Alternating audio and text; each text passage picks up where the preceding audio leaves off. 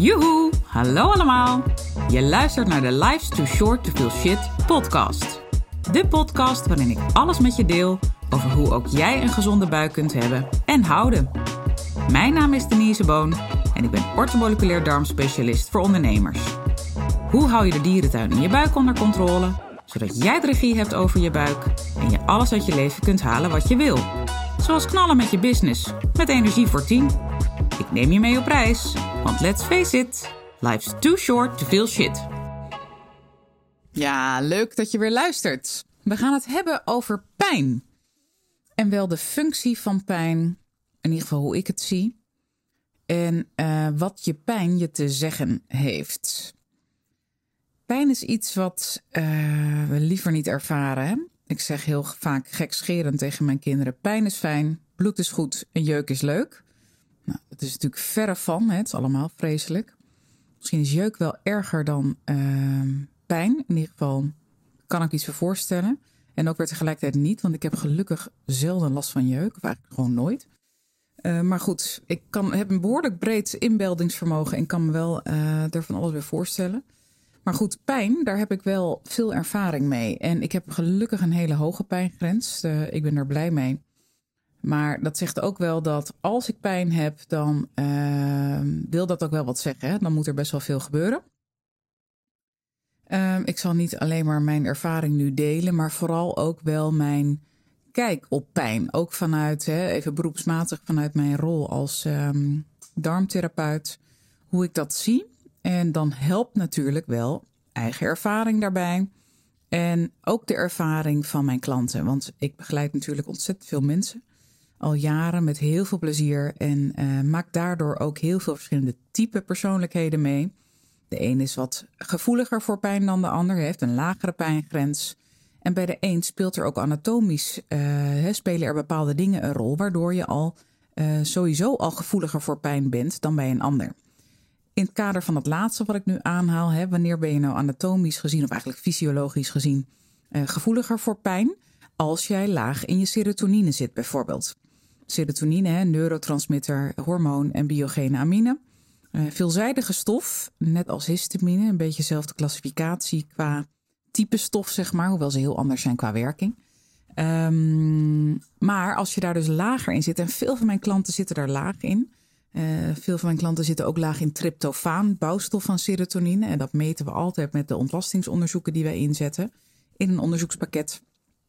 En als je al laag in je tryptofaan zit, dan kan van daaruit er onvoldoende serotonine worden aangemaakt. Want dat is een bouwsteen van serotonine. Er zijn ook allemaal cofactoren nodig om dat tot serotonine om te zetten. Uh, maar goed, hè, dus dan weten we al van hey, als tryptofaan laag is, dan is serotonine ook laag. Los van dat we ook serotonine kunnen meten uh, op meerdere manieren. En dat doen we vaak ook. Um, maar dat verschilt dus heel erg per persoon. Maar nogmaals, als je dus laag in je serotonine zit, dan is je pijngevoeligheid groter of hoger. Uh, en dat maakt ook al dat je bijvoorbeeld, misschien herken je dat wel, uh, zoiets hebt van: hé, hey, tien jaar geleden hè, had ik eigenlijk zelden pijn. Ja, misschien een keer hoofdpijn, maar hè, viel heel erg mee. Maar het lijkt wel alsof het uitvergroot wordt. Hè? Alsof het niet alleen erger wordt, maar ook alsof je dus je pijnbeleving erger wordt. Nou, wees dan beducht of hou in je achterhoofd dat het dus echt te maken kan hebben met een laag serotoninegehalte. En ik heb mij langer dan vandaag, als dat zo is, A, breng het in kaart hè, of het echt zo is. En B, hoe kom jij aan een serotoninetekort? Serotonine wordt voor 95% in de darmen aangemaakt. Daar heb je me ook al vaker over gehoord, maar ik blijf het herhalen. Want het is zo ongelooflijk belangrijk om die darmen op orde te krijgen bij ongelooflijk veel, um, nou ja, eigenlijk wel, ik wilde zeggen aanverwante dingen die je kan ervaren, maar juist ook dingen waar je misschien de link met de darmen niet legt. Zoals de neurotransmitters, hè? Als je een korter lontje hebt, minder goed kan focussen, uh, fear of missing out, um, constant je telefoon pakt, hè, snel afgeleid. Nou, dat zijn typische symptomen van een dopaminetekort. Dopamine wordt voor 50% in de darm aangemaakt. Daar gaan we al. He, daar zit dus al een link tussen de neurotransmitters en de darmen. Nou, dat, zo geldt dat voor heel veel systemen en processen in het lichaam. Dat is natuurlijk ook de reden dat ik bovenop die darm ben gaan zitten, of eigenlijk de darmen. Uh, ja, het raakt gewoon bijna alles. En ik ben erg van, uh, zo goed als het kan, de onderliggende oorzaken in kaart brengen, zodat je de angel eruit kan halen. En dat lukt ook bij de ene persoon beter dan de ander. Ik ga het niet mooier maken dan het is. Maar bij heel veel mensen lukt het wel heel goed. En het begint bij weten waar zit de crux, hè? waar zit die angel. Want zolang je pleisters blijft plakken, ja, dan blijf je stinkende wonden houden. En dat is zonde, want uiteindelijk komt de etter er toch uit. Ja, sorry voor de visueel ingestelde onder ons, maar zo werkt het. En uh, dat heeft niet zo heel veel zin. Anyway, we gaan terug naar het punt aan het begin van de aflevering waarmee ik was begonnen. Want ik wijk nu al even uit in het uh, fysiologische stuk, maar wel heel belangrijk. Want er zit zeker dus ook echt uh, iets wat aantoonbaar kan bijdragen aan jouw pijngevoeligheid. Dus dat wilde ik wel even toelichten. Um, maar ik wil vooral ook inzoomen op allereerst even heel erg hoog over. Wat wil pijn je zeggen? Waarom maakt jouw lichaam pijnsignalen aan? Nou, dat is omdat er dus iets in jouw lichaam niet goed gaat en jouw lichaam wil je eigenlijk waarschuwen. Dus het is een signaal. Hè? Het heeft een signaalfunctie van you, something's not going right en uh, je moet in actie komen. Nu is het alleen zo dat je niet altijd weet, sterker nog heel vaak niet weet, wat wil mijn lichaam me dan zeggen? Dus waar zit dan um, hetgene wat nu niet goed gaat en waar ik actie op moet betonen? En Um, daar kan natuurlijk van alles onder liggen. Hè. Er kunnen ook dingen uit um, op emotioneel vlak een rol spelen. Denk aan trauma's vanuit je jeugd of vanuit eerdere ervaring in je leven. Het hoeft niet altijd je jeugd te zijn. Um, het kan ook letterlijk een, een fysiek trauma zijn als je een ongeluk hebt gehad. Het kan van alles zijn. Uh, en dat maakt het ook zo complex. Maar het kan ook heel subtiel zijn, iets wat in de loop der jaren erin is geslopen en wat steeds meer van zich laat horen. Denk aan buikpijn. Is natuurlijk hè, de meest voorkomende soort van pijn die ik in mijn praktijk hoor. Dat zal je niet verbazen. Maar ik hoor ook heel vaak hoofdpijn en menstruatiepijn. Spierpijn met stip op vier. Dus en die vier, daar wil ik eigenlijk iets dieper op inzoomen in deze aflevering. Uh, wat in mijn, zowel ervaring dus als in mijn praktijk, ik vaak zie wat onderliggend in ieder geval een deel van de crux is bij die soorten pijn. Dus wie weet, kun je er wat mee en herken je het en resoneert het bij je? Zo ja, dan zit daar waarheid voor je. En dan zit daar iets in waar je wat mee kan en misschien ook wel moet op dit moment. In ieder geval, dat is dus mijn, uh, in mijn visie is dat zo. Uh, waar beginnen we? Ik was net al even begonnen bij buikpijn, dus daar, daar gaan we op even nu even wat dieper op in. Wat wil je buikpijn je zeggen? Nou, je kent me, ik hou ook wel van uh, metaforen gebruiken. Hè? En ook gezegde spreekwoorden. Uh, zeker hier in Nederland hebben we er best wel veel die vind, in mijn ogen echt spot on zijn. Zoals ik heb mijn buik ervan vol. Dus er zit ook een, een emotioneel component in van hè, je bent het helemaal zat ergens over. Over een bepaald onderdeel in je leven. Of misschien wel een bepaalde relatie waar je in zit. Of je werk is ook een relatie hè, die je hebt. En dat je denkt, joh, ik kan heel veel slikken, maar op een gegeven moment is het klaar. Dus dat kan een deel zijn waardoor jij buikpijn krijgt. Hè? En dat is natuurlijk ook gekoppeld aan stress. En vooral, want stress is, nou ja, het heeft zo'n negatieve benaming en negatieve betekenis. Maar in feite is het niks anders dan dat je lichaam meer cortisol aanmaakt. In ieder geval in eerste instantie. adrenaline en cortisol, de, de stresshormoon, om ze maar even zo te noemen, vanuit de bijnieren. Uh, maar het maakt, er zijn natuurlijk bepaalde stressoren die dat aanjagen. En als jouw uh, copingmechanismen, dus eigenlijk je feedbackmechanisme om die stress, uh, stressoren en die aanmaak van die stresshormonen niet goed weer af te kunnen breken, als dat hapert, dan, um, ik zeg het verkeerd, maar je snapt wat ik bedoel. Dus als het systeem wat het moet afbreken, als dat hapert, dan um, blijf je dus met de hoge stresswaarde, dus de hoge cortisolwaarde onder andere rondlopen. En dat kan je dus ook buikpijn geven. Dus daar hebben we ook alweer een ander fysiek component wat getriggerd wordt vaak door bijvoorbeeld, hè, ik noem eventjes, laten we even uh, een, vervelende situatie op je werk of dat je het gewoon niet naar je zin hebt op je werk. Laten we die even als, als uitgangspunt hier innemen. Hebben ook heel veel mensen last van, je gaat maar door op karakter en weer door en hebt even doorheen bijten. En ja, op een gegeven moment, het is gewoon geen houden aan en dan gaat je lijf van zich laten spreken. Het kan ook heel goed zijn dat je als gevolg daarvan hè, gaat vluchten in um, comfort foods. Dat je denkt, nou, ik heb zo'n rotdag gehad op mijn werk. Nu verdien ik dat patatje. Of ga ik even lekker die pizza bestellen? Ik heb ook echt geen zin meer om te koken. Ik ben zo moe, zo op karakter moeten doorbuffelen. Of neem even dat wijntje voor die, die scherpe randjes van de dag. Nou, dat kan. Maar het kan ook zijn dat er gewoon letterlijk een fysiek component zit in jouw buik. Dat je letterlijk je buik vol hebt. Hè? Uh, je hoort mij heel vaak over de dierentuin. dragen we allemaal bij ons. Hè? Allerlei bacteriesoorten, de good guys en de bad guys. Uh, gisten, schimmels, parasieten kunnen ook aanhaken. Helicobacterbacterie kan in de maag zitten. Hoe dan ook, hè, het kan zijn dat er zo'n exoot uh, is ontploft, om maar even zo te zeggen. Hè? Dus dat die dierentuin is ontploft. En dat er dus te veel exoten in jouw dierentuin zitten. En dat je daardoor letterlijk je buik vol hebt. Nou, dat zorgt vaak, hè, als er zo'n overmaat aan pathogenen aanwezig is. Pathogenen is een, een beetje chic woord voor ziekmakers. Pakken we ze even allemaal, uh, scheren we ze over één kam. Um, als je dat hebt, dan is de kans groot dat daardoor lokaal in die buik een ontstekingsreactie ontstaat. En zo'n ontstekingsreactie heeft als uiting, in ieder geval bij verreweg de meeste mensen, dat je buikpijn krijgt, buikkrampen, hè, dat je echt kan dubbelklappen van de pijn. Ik kan me nog zo goed herinneren als ik aan terugdenk, vroeger toen ik klein was, dat ik vaak op de, we hadden een hele um, fijne wc uh, beneden. We hadden meerdere wc's in huis, maar die beneden, dat had een soort, nou ja, ik wil bijna zeggen, een soort gangetje, zeg maar. Dus je had een deur en een heel lang stuk waar je, uh, hoe noem je dat nou? Nou, het is gewoon een, langwerpige ruimte, zo moet ik het eigenlijk even zeggen. Um, met een, een stenen vloer en dan achterin stond de wc en een kraantje zo natuurlijk erbij. En als ik dan echt zo'n krampaanval had, dan ging ik op de vloer liggen, plat op mijn buik. Dat was, vond ik heel prettig, hè? dat gaf een soort verlichting. Maar soms was het zo erg, waren die steken zo erg, dat ik echt als een foetus nou, mijn benen optrok. En, en ik kan bijna nog de vloer op mijn wang voelen. Niet om me zielig te vinden hoor. Maar het is gewoon. Ik vind dat bijzonder hoe het geheugen werkt. Hè? Dat je gewoon bepaalde, als een soort flashbacks, bepaalde scènes uit je leven die impactvol voor je zijn. En dat is vaak natuurlijk met pijn of met enorm plezier. Hè? Dat zijn de momenten die als een soort anker in je geheugen vastliggen. Um, terug naar de buikkrampen, want daar was ik mee bezig. Nou ja, het kan echt. Dat is dus een hele heftige uiting van pijn. Uh, van buikpijn, sorry. En dus een hele heftige uiting van zo'n ontstekingsreactie in de darm. Want die had ik zeker weten toen al zitten, wist dat toen niet. Uh, we wisten dat allemaal niet bij ons in het gezin. Hè? Ik was ook de enige die daar volgens mij last van had. Um, en mijn moeder heeft heel veel voor me gedaan. Bedankt nog, mam, als je luistert. Uh, om me ervan af te helpen. Uh, maar goed, we wisten ook niet in welke hoek we het moesten zoeken. Maar dat kwam gelukkig later op mijn pad. Hè, wat ik nu doe. En alles daarvoor heeft er ook aan bijgedragen, absoluut. En soms hè, moet je gewoon zijwegen nemen. En dat brengt je altijd verder. En daar geloof ik heel erg in.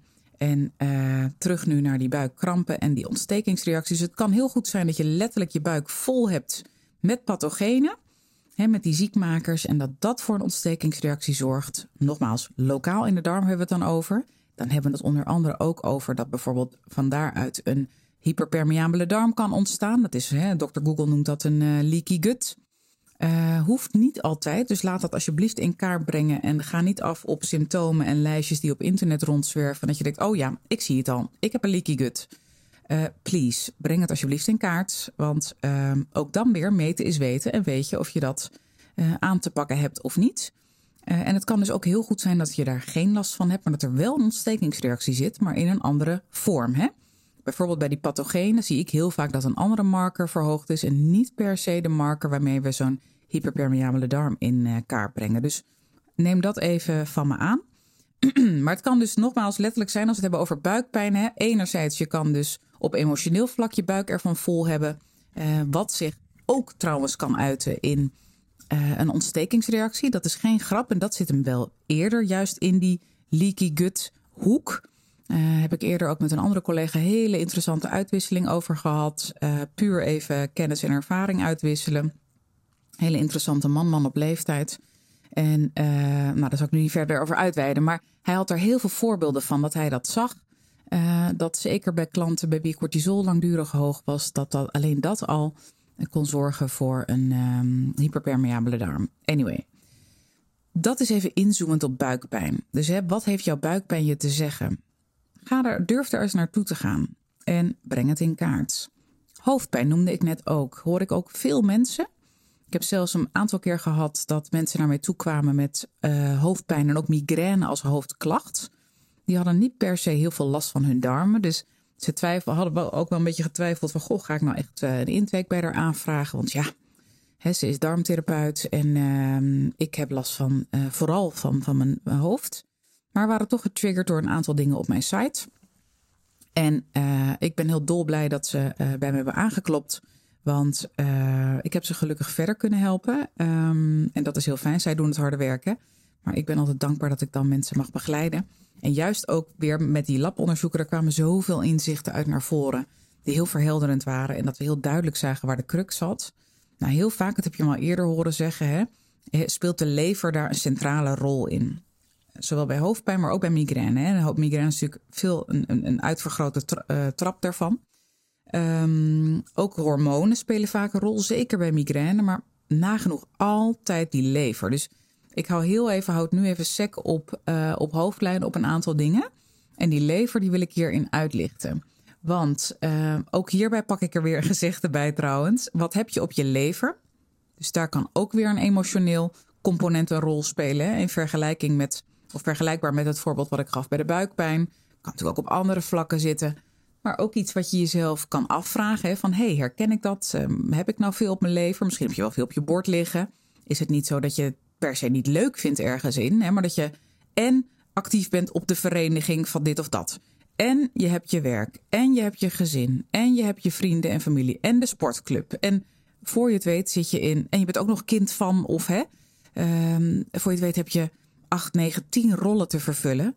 Met ook allemaal actiepunten die eruit voortkomen.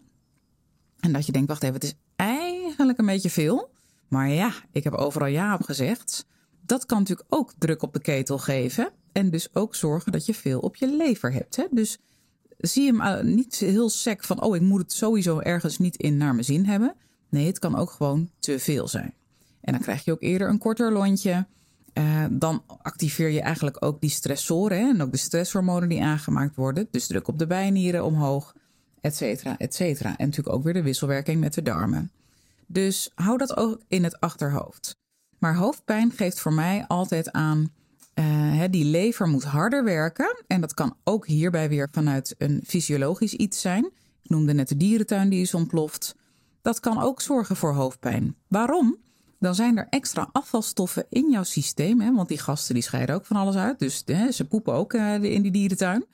En uh, die poep moet worden opge opgeveegd. En eigenlijk het liefst afgebroken en afgevoerd. Nou, daar komt onder andere de lever bij om de hoek kijken. Hè. Al die toxines en afvalstoffen die ontstaan, die moeten afgebroken worden. Ik noem de lever heel vaak gekscherend één grote afvalverwerkingsfabriek. En uh, bij heel veel mensen, ik wil niet zeggen hapert die lever, want dat is te groot neergezet, maar functioneert die lever niet optimaal. En als we weer even dat eufemisme van uh, de afvalverwerkingsfabriek erbij pakken. Die fabriek, die, die motoren van die fabriek moeten wel gesmeerd worden met olie. Uh, die moeten goed onderhouden worden. Moeten misschien wel software-updates plaatsvinden. En op het moment dat dat niet gebeurt, dus dat die fabriek eigenlijk op een gegeven moment droog maalt en die software-updates worden niet gedraaid en die blijft maar op een oude versie uh, hangen. Uh, ja, je voelt hem maar aankomen. Maar dan kunnen ook de nieuwe stoffen die langskomen. Hé, hey, wacht even, hier is een nieuwe toxine die langskomt. Die herkennen we niet. Nou, die parkeren we of die kunnen we überhaupt niet afbreken. Hè? Nou, uh, die zorgt ervoor dat een, een deel van de machine uh, spaak loopt. En daarvoor, hè, dus ik pak natuurlijk weer even zo'n um, zo'n eufemisme hier de, erbij. Maar vaak helpt dat wel, want dan, hè, ik ben zelf een beelddenker, dat vind ik zelf altijd heel prettig. Nou, belangrijk daarvoor, heb je me ook al vaker over gehoord, is dat je voldoende vitamine B12 opneemt. Ook heel veel andere stoffen. Hè. Die lever heeft zo ongelooflijk veel voedingsstoffen nodig in, in optima hoeveelheid en, en forma ook nog. Uh, maar B12 zeker ook. Hè. En überhaupt veel B-vitamines zijn heel belangrijk voor die lever. Nou, B12, daar is je maag onder andere voor nodig om dat goed op te kunnen nemen. Hè? Want onder invloed van maagzuur maakt, uh, wordt een stofje aangemaakt dat heet intrinsic factor. En zo heb je alweer een, een combinatie met meerdere organen te pakken. Die dierentuin vanuit de darm, druk op de lever, maar die heeft de maag weer nodig voor die B12, et cetera, et cetera. En überhaupt dat die dierentuin niet ontploft, daar is die maag ook natuurlijk een essentiële rol in. Hè? Dat maagzuur heeft onder andere als functie het afdoden van die pathogenen, zodat ze niet door kunnen naar de dunne darm en verder naar de dikke darm, maar dat ze al keurig eigenlijk bij de poort worden tegengehouden, om het zo te zeggen. Um, dus hoofdpijn, hè, wat heeft dat jou te zeggen? En ik zei het net al even, kan ook echt een hormonaal component een rol spelen, maar ook daarbij speelt de lever altijd een rol. Heeft ook weer te maken met hoe de SIP-enzymen in je lever werken. En hoe goed die bijvoorbeeld bepaalde hormonen afbreken, zeker ook oestrogeen hoeveel met name dames een oestrogeendominantie uh, hebben, ongelooflijk veel. Vooral progesterontekort. Kom ik zo nog op terug bij de geslachtshormonen. Uh, ik denk dat dit trouwens een langere aflevering wordt. Ik heb geen idee hoe lang ik nu al bezig ben, maar ik ben nu nog maar bij uh, deel 2 van 4 die ik met je wil bespreken. Dus het gaat lekker. Maar ik denk wel heel relevant. Dus ik, ik kakel gewoon even lekker door. Um, ja, dus die geslachtshormonen. Hè, en, en, oh nee, dat was. Sorry, ik, het linkje legde ik met de lever met die SIP-enzymen. Dat uh, daar speelt dus die lever ook weer een rol bij. En dat kan ook weer eerder bijdragen aan um, extremere uitingen van hoofdpijn, zoals migraine. Uh, welkom bij de complexe puzzel van het lichaam. Hè? Ongelooflijk, maar ook zo mooi. Nou, dan hou ik het hier even bij uh, wat betreft hoofdpijn. Wil ik nog even doorgaan naar eerst menstruatiepijn, want die heb ik als derde volgens mij aan het begin genoemd. En uh, bij menstruatiepijn, dat is misschien ook wel een bepaalde vorm van, daar heb ik mijn buik van vol, maar natuurlijk lager. Dus nou ja, daar zal ik niet verder op ingaan. Maar het is heel, heel veel dames hebben ook echt uh, last van buikkrampen, maar dan dus onderin de buik. Met name natuurlijk rondom de, de, de tijd voor de menstruatie. Met name een week of eigenlijk een paar dagen voordat de menstruatie moet doorkomen. Maar sommige dames hebben het al een week daarvoor. Het premenstrueel syndroom, PMS, klachten. Nou, de meest voorkomende uh, die ik ken zijn echt die buikkrampen helemaal onderin de buik. Dus, hè, dus is anders dan, uh, dan de buikpijn waar ik het aan het begin van de aflevering over had. Uh, pijnlijke borsten. Ongelooflijk veel. echt dat je bijna niet kan aanraken zo. Misschien een beetje overdreven, maar in ieder geval dat het wel heel gevoelig is, laat ik het zo zeggen. slecht slapen, zeker een paar dagen voordat je ongesteld moet worden. Um, en lage rugpijn. Dat zijn de meest gehoorde klachten rondom menstruatiepijnen die ik ken. Er zijn er ook dames die rondom hun ovulatie juist heel veel last hebben. Ik moet meteen even aan een van mijn klanten denken. Um, zij kan echt voelen wanneer zij ovuleert en heeft daar heel veel last van. Dus, en dat is ook weer zo'n wisseling van de wacht van de hormonen. De eerste twee weken uh, moet oestrogeen hoog zijn, progesteron relatief laag. Nou, bij de ovulatie dan uh, hebben we even een piekje in testosteron. Als oestrogeen omlaag gaat en progesteron omhoog. Dus dan is er echt letterlijk een wisseling van de wacht. En de laatste twee weken moet progesteron weer hoog zijn en oestrogeen laag. En dan is ook testosteron weer wat lager. Nou, fantastisch hoe het lichaam, of eigenlijk hoe de natuur dat lichaam heeft ingesteld. Dus rondom de ovulatie hebben ook de meeste dames meer zin in seks. Want ja, dat is het moment dat we meest vruchtbaar zijn. Dus de natuur wil natuurlijk hè, dat we ons uh, voortplanten. Dus uh, nou, geweldig hoe ook dit dus weer in elkaar zit. Um, maar menstruatiepijnen hebben je dus wel wat te zeggen. Zeker als het dus überhaupt, het mag natuurlijk wel wat ongeriefelijk zijn, maar echte pijnen zou je niet moeten ervaren als, uh, als, als vrouw rondom die periode. En zeker als het dan zo heftig is in de vorm van die PMS-achtige klachten die ik net noemde, uh, dan heeft ook dat je iets te zeggen. En heel vaak, ik noemde het net al, hè, speelt een progesterontekort een rol. Maar heel veel vrouwen hebben ook een tekort aan oestrogeen. En dan kan er wel relatief gezien meer oestrogeen zijn dan progesteron. Dus heb je alsnog, hè, is er sprake van een oestrogeendominantie. Uh, op het moment dat ze allebei laag zijn, ja, dan heb je sowieso al heel veel klachten daarvan. En dat wordt niet uit zichzelf beter. Testosteron is ook bij heel veel dames laag. En dat maakt ook dat uh, veel vrouwen ook een lager libido hebben. Uh, en ook wat minder zelfvertrouwen. Ik vergelijk testosteron wel eens met zo'n aap op de rots. Nou, die vindt zichzelf fantastisch. Kijk mij eens even hier staan. Iedereen uh, kijkt naar mij en uh, I'm the leader of the tribe. Nou hoeft dat niet zo ver te gaan, hè? Zeker niet bij iedereen en ook zeker niet uh, bij alle vrouwen. Maar iets meer bij de meeste dames daarvan. En ook wat, dan word je ook wat besluitvaardiger, is toch wel prettig. Hè? Een positief zelfbeeld, zelfliefde, heeft er ook heel veel mee van doen. Dus ongelooflijk belangrijk om ook die testosteron goed in kaart te brengen. Niet alleen oestrogeen en progesteron. En het liefst ook DHEA. Hoor je me ook al vaker ook over, zeker ook in de aflevering over cortisol, hè, de hormoon uh, drieluik, rondom aflevering 35 uit mijn hoofd. Als je het nog interessant vindt, luister nog even na. Um, want dat is ook echt een feedbackhormoon, zowel voor cortisol, maar ook een heel belangrijk hormoon van waaruit uh, een aantal van de geslachtshormonen gemaakt worden. Dus zit je daar lager in, bijvoorbeeld omdat je hoog in je stress zit, dan zit je sowieso al lager in geslachtshormonen. Dus ook daar zit een enorme wisselwerking tussen de hormonale systemen. Ongelooflijk boeiend, complex, maar ook daarin heeft dat weer je iets te zeggen. Dan sluit ik af met spierpijn en daar ga ik het het kortst over houden, dus blijf nog even bij me. Uh, want daarin wil ik eigenlijk meteen een link leggen met um, de dierentuin. Als die is ontploft. Um, en en ik, zoek, ik zeg spierpijn, maar ik bedoel ook wel snel verzuurde spieren. En dat ze bijvoorbeeld minder snel herstellen. Hè? En dat hoeft niet per se na sport te zijn. Dat kan ook zijn na uh, inspanning. Dus een, een, een minder heftige inspanning dan sport. Hè? Dus dat je bijvoorbeeld een stukje gaat wandelen of gaat fietsen. Dat je denkt, goh, heb ik toch helemaal niet zoiets geks gedaan. Maar wat duurt dat lang voordat, uh, voordat ik de, die kuit niet meer voel bijvoorbeeld. Nou, dat heeft daar vaak ook mee te maken met uh, als er systemen zijn in het lichaam wat meer vitamines, mineralen opsoeperen. Zoals bijvoorbeeld uh, als die dierentuin is ontploft, dan kun je dat eerder ook in je spieren merken. Dus snel, sneller verzuurde spieren. Uh, maar bijvoorbeeld ook, zeker bij een candida gistoverwoekering, zie ik het al helemaal heel vaak voorkomen. Dat mensen dat echt ook zelf uit zichzelf al noemen als een van de hoofdklachten. En dat het misschien nog wel erger aanvoelt dan bij een andere pathogeen. Uh, dus dat is een hele interessante om ook in gedachten te houden. Zeker als je ook verhoogde zoetbehoefte hebt. Of een hogere behoefte aan uh, snelle koolhydraten, zoals de pizza's, de pasta's, uh, koekjes, croissantje. Ook heerlijk. Allemaal snelle suikers. Dan is dat iets waar je ook nog even zo'n gist zoals een candida albicans in je achterhoofd kan houden. Want die gasten die leven op suikers. En ook de snelle koolhydraten die ik net noemde zijn eigenlijk suikers. Hè? Net als alcohol en liquid sugar. Het wordt in je lichaam direct omgezet in glucose. Dus je krijgt de glucosepiek.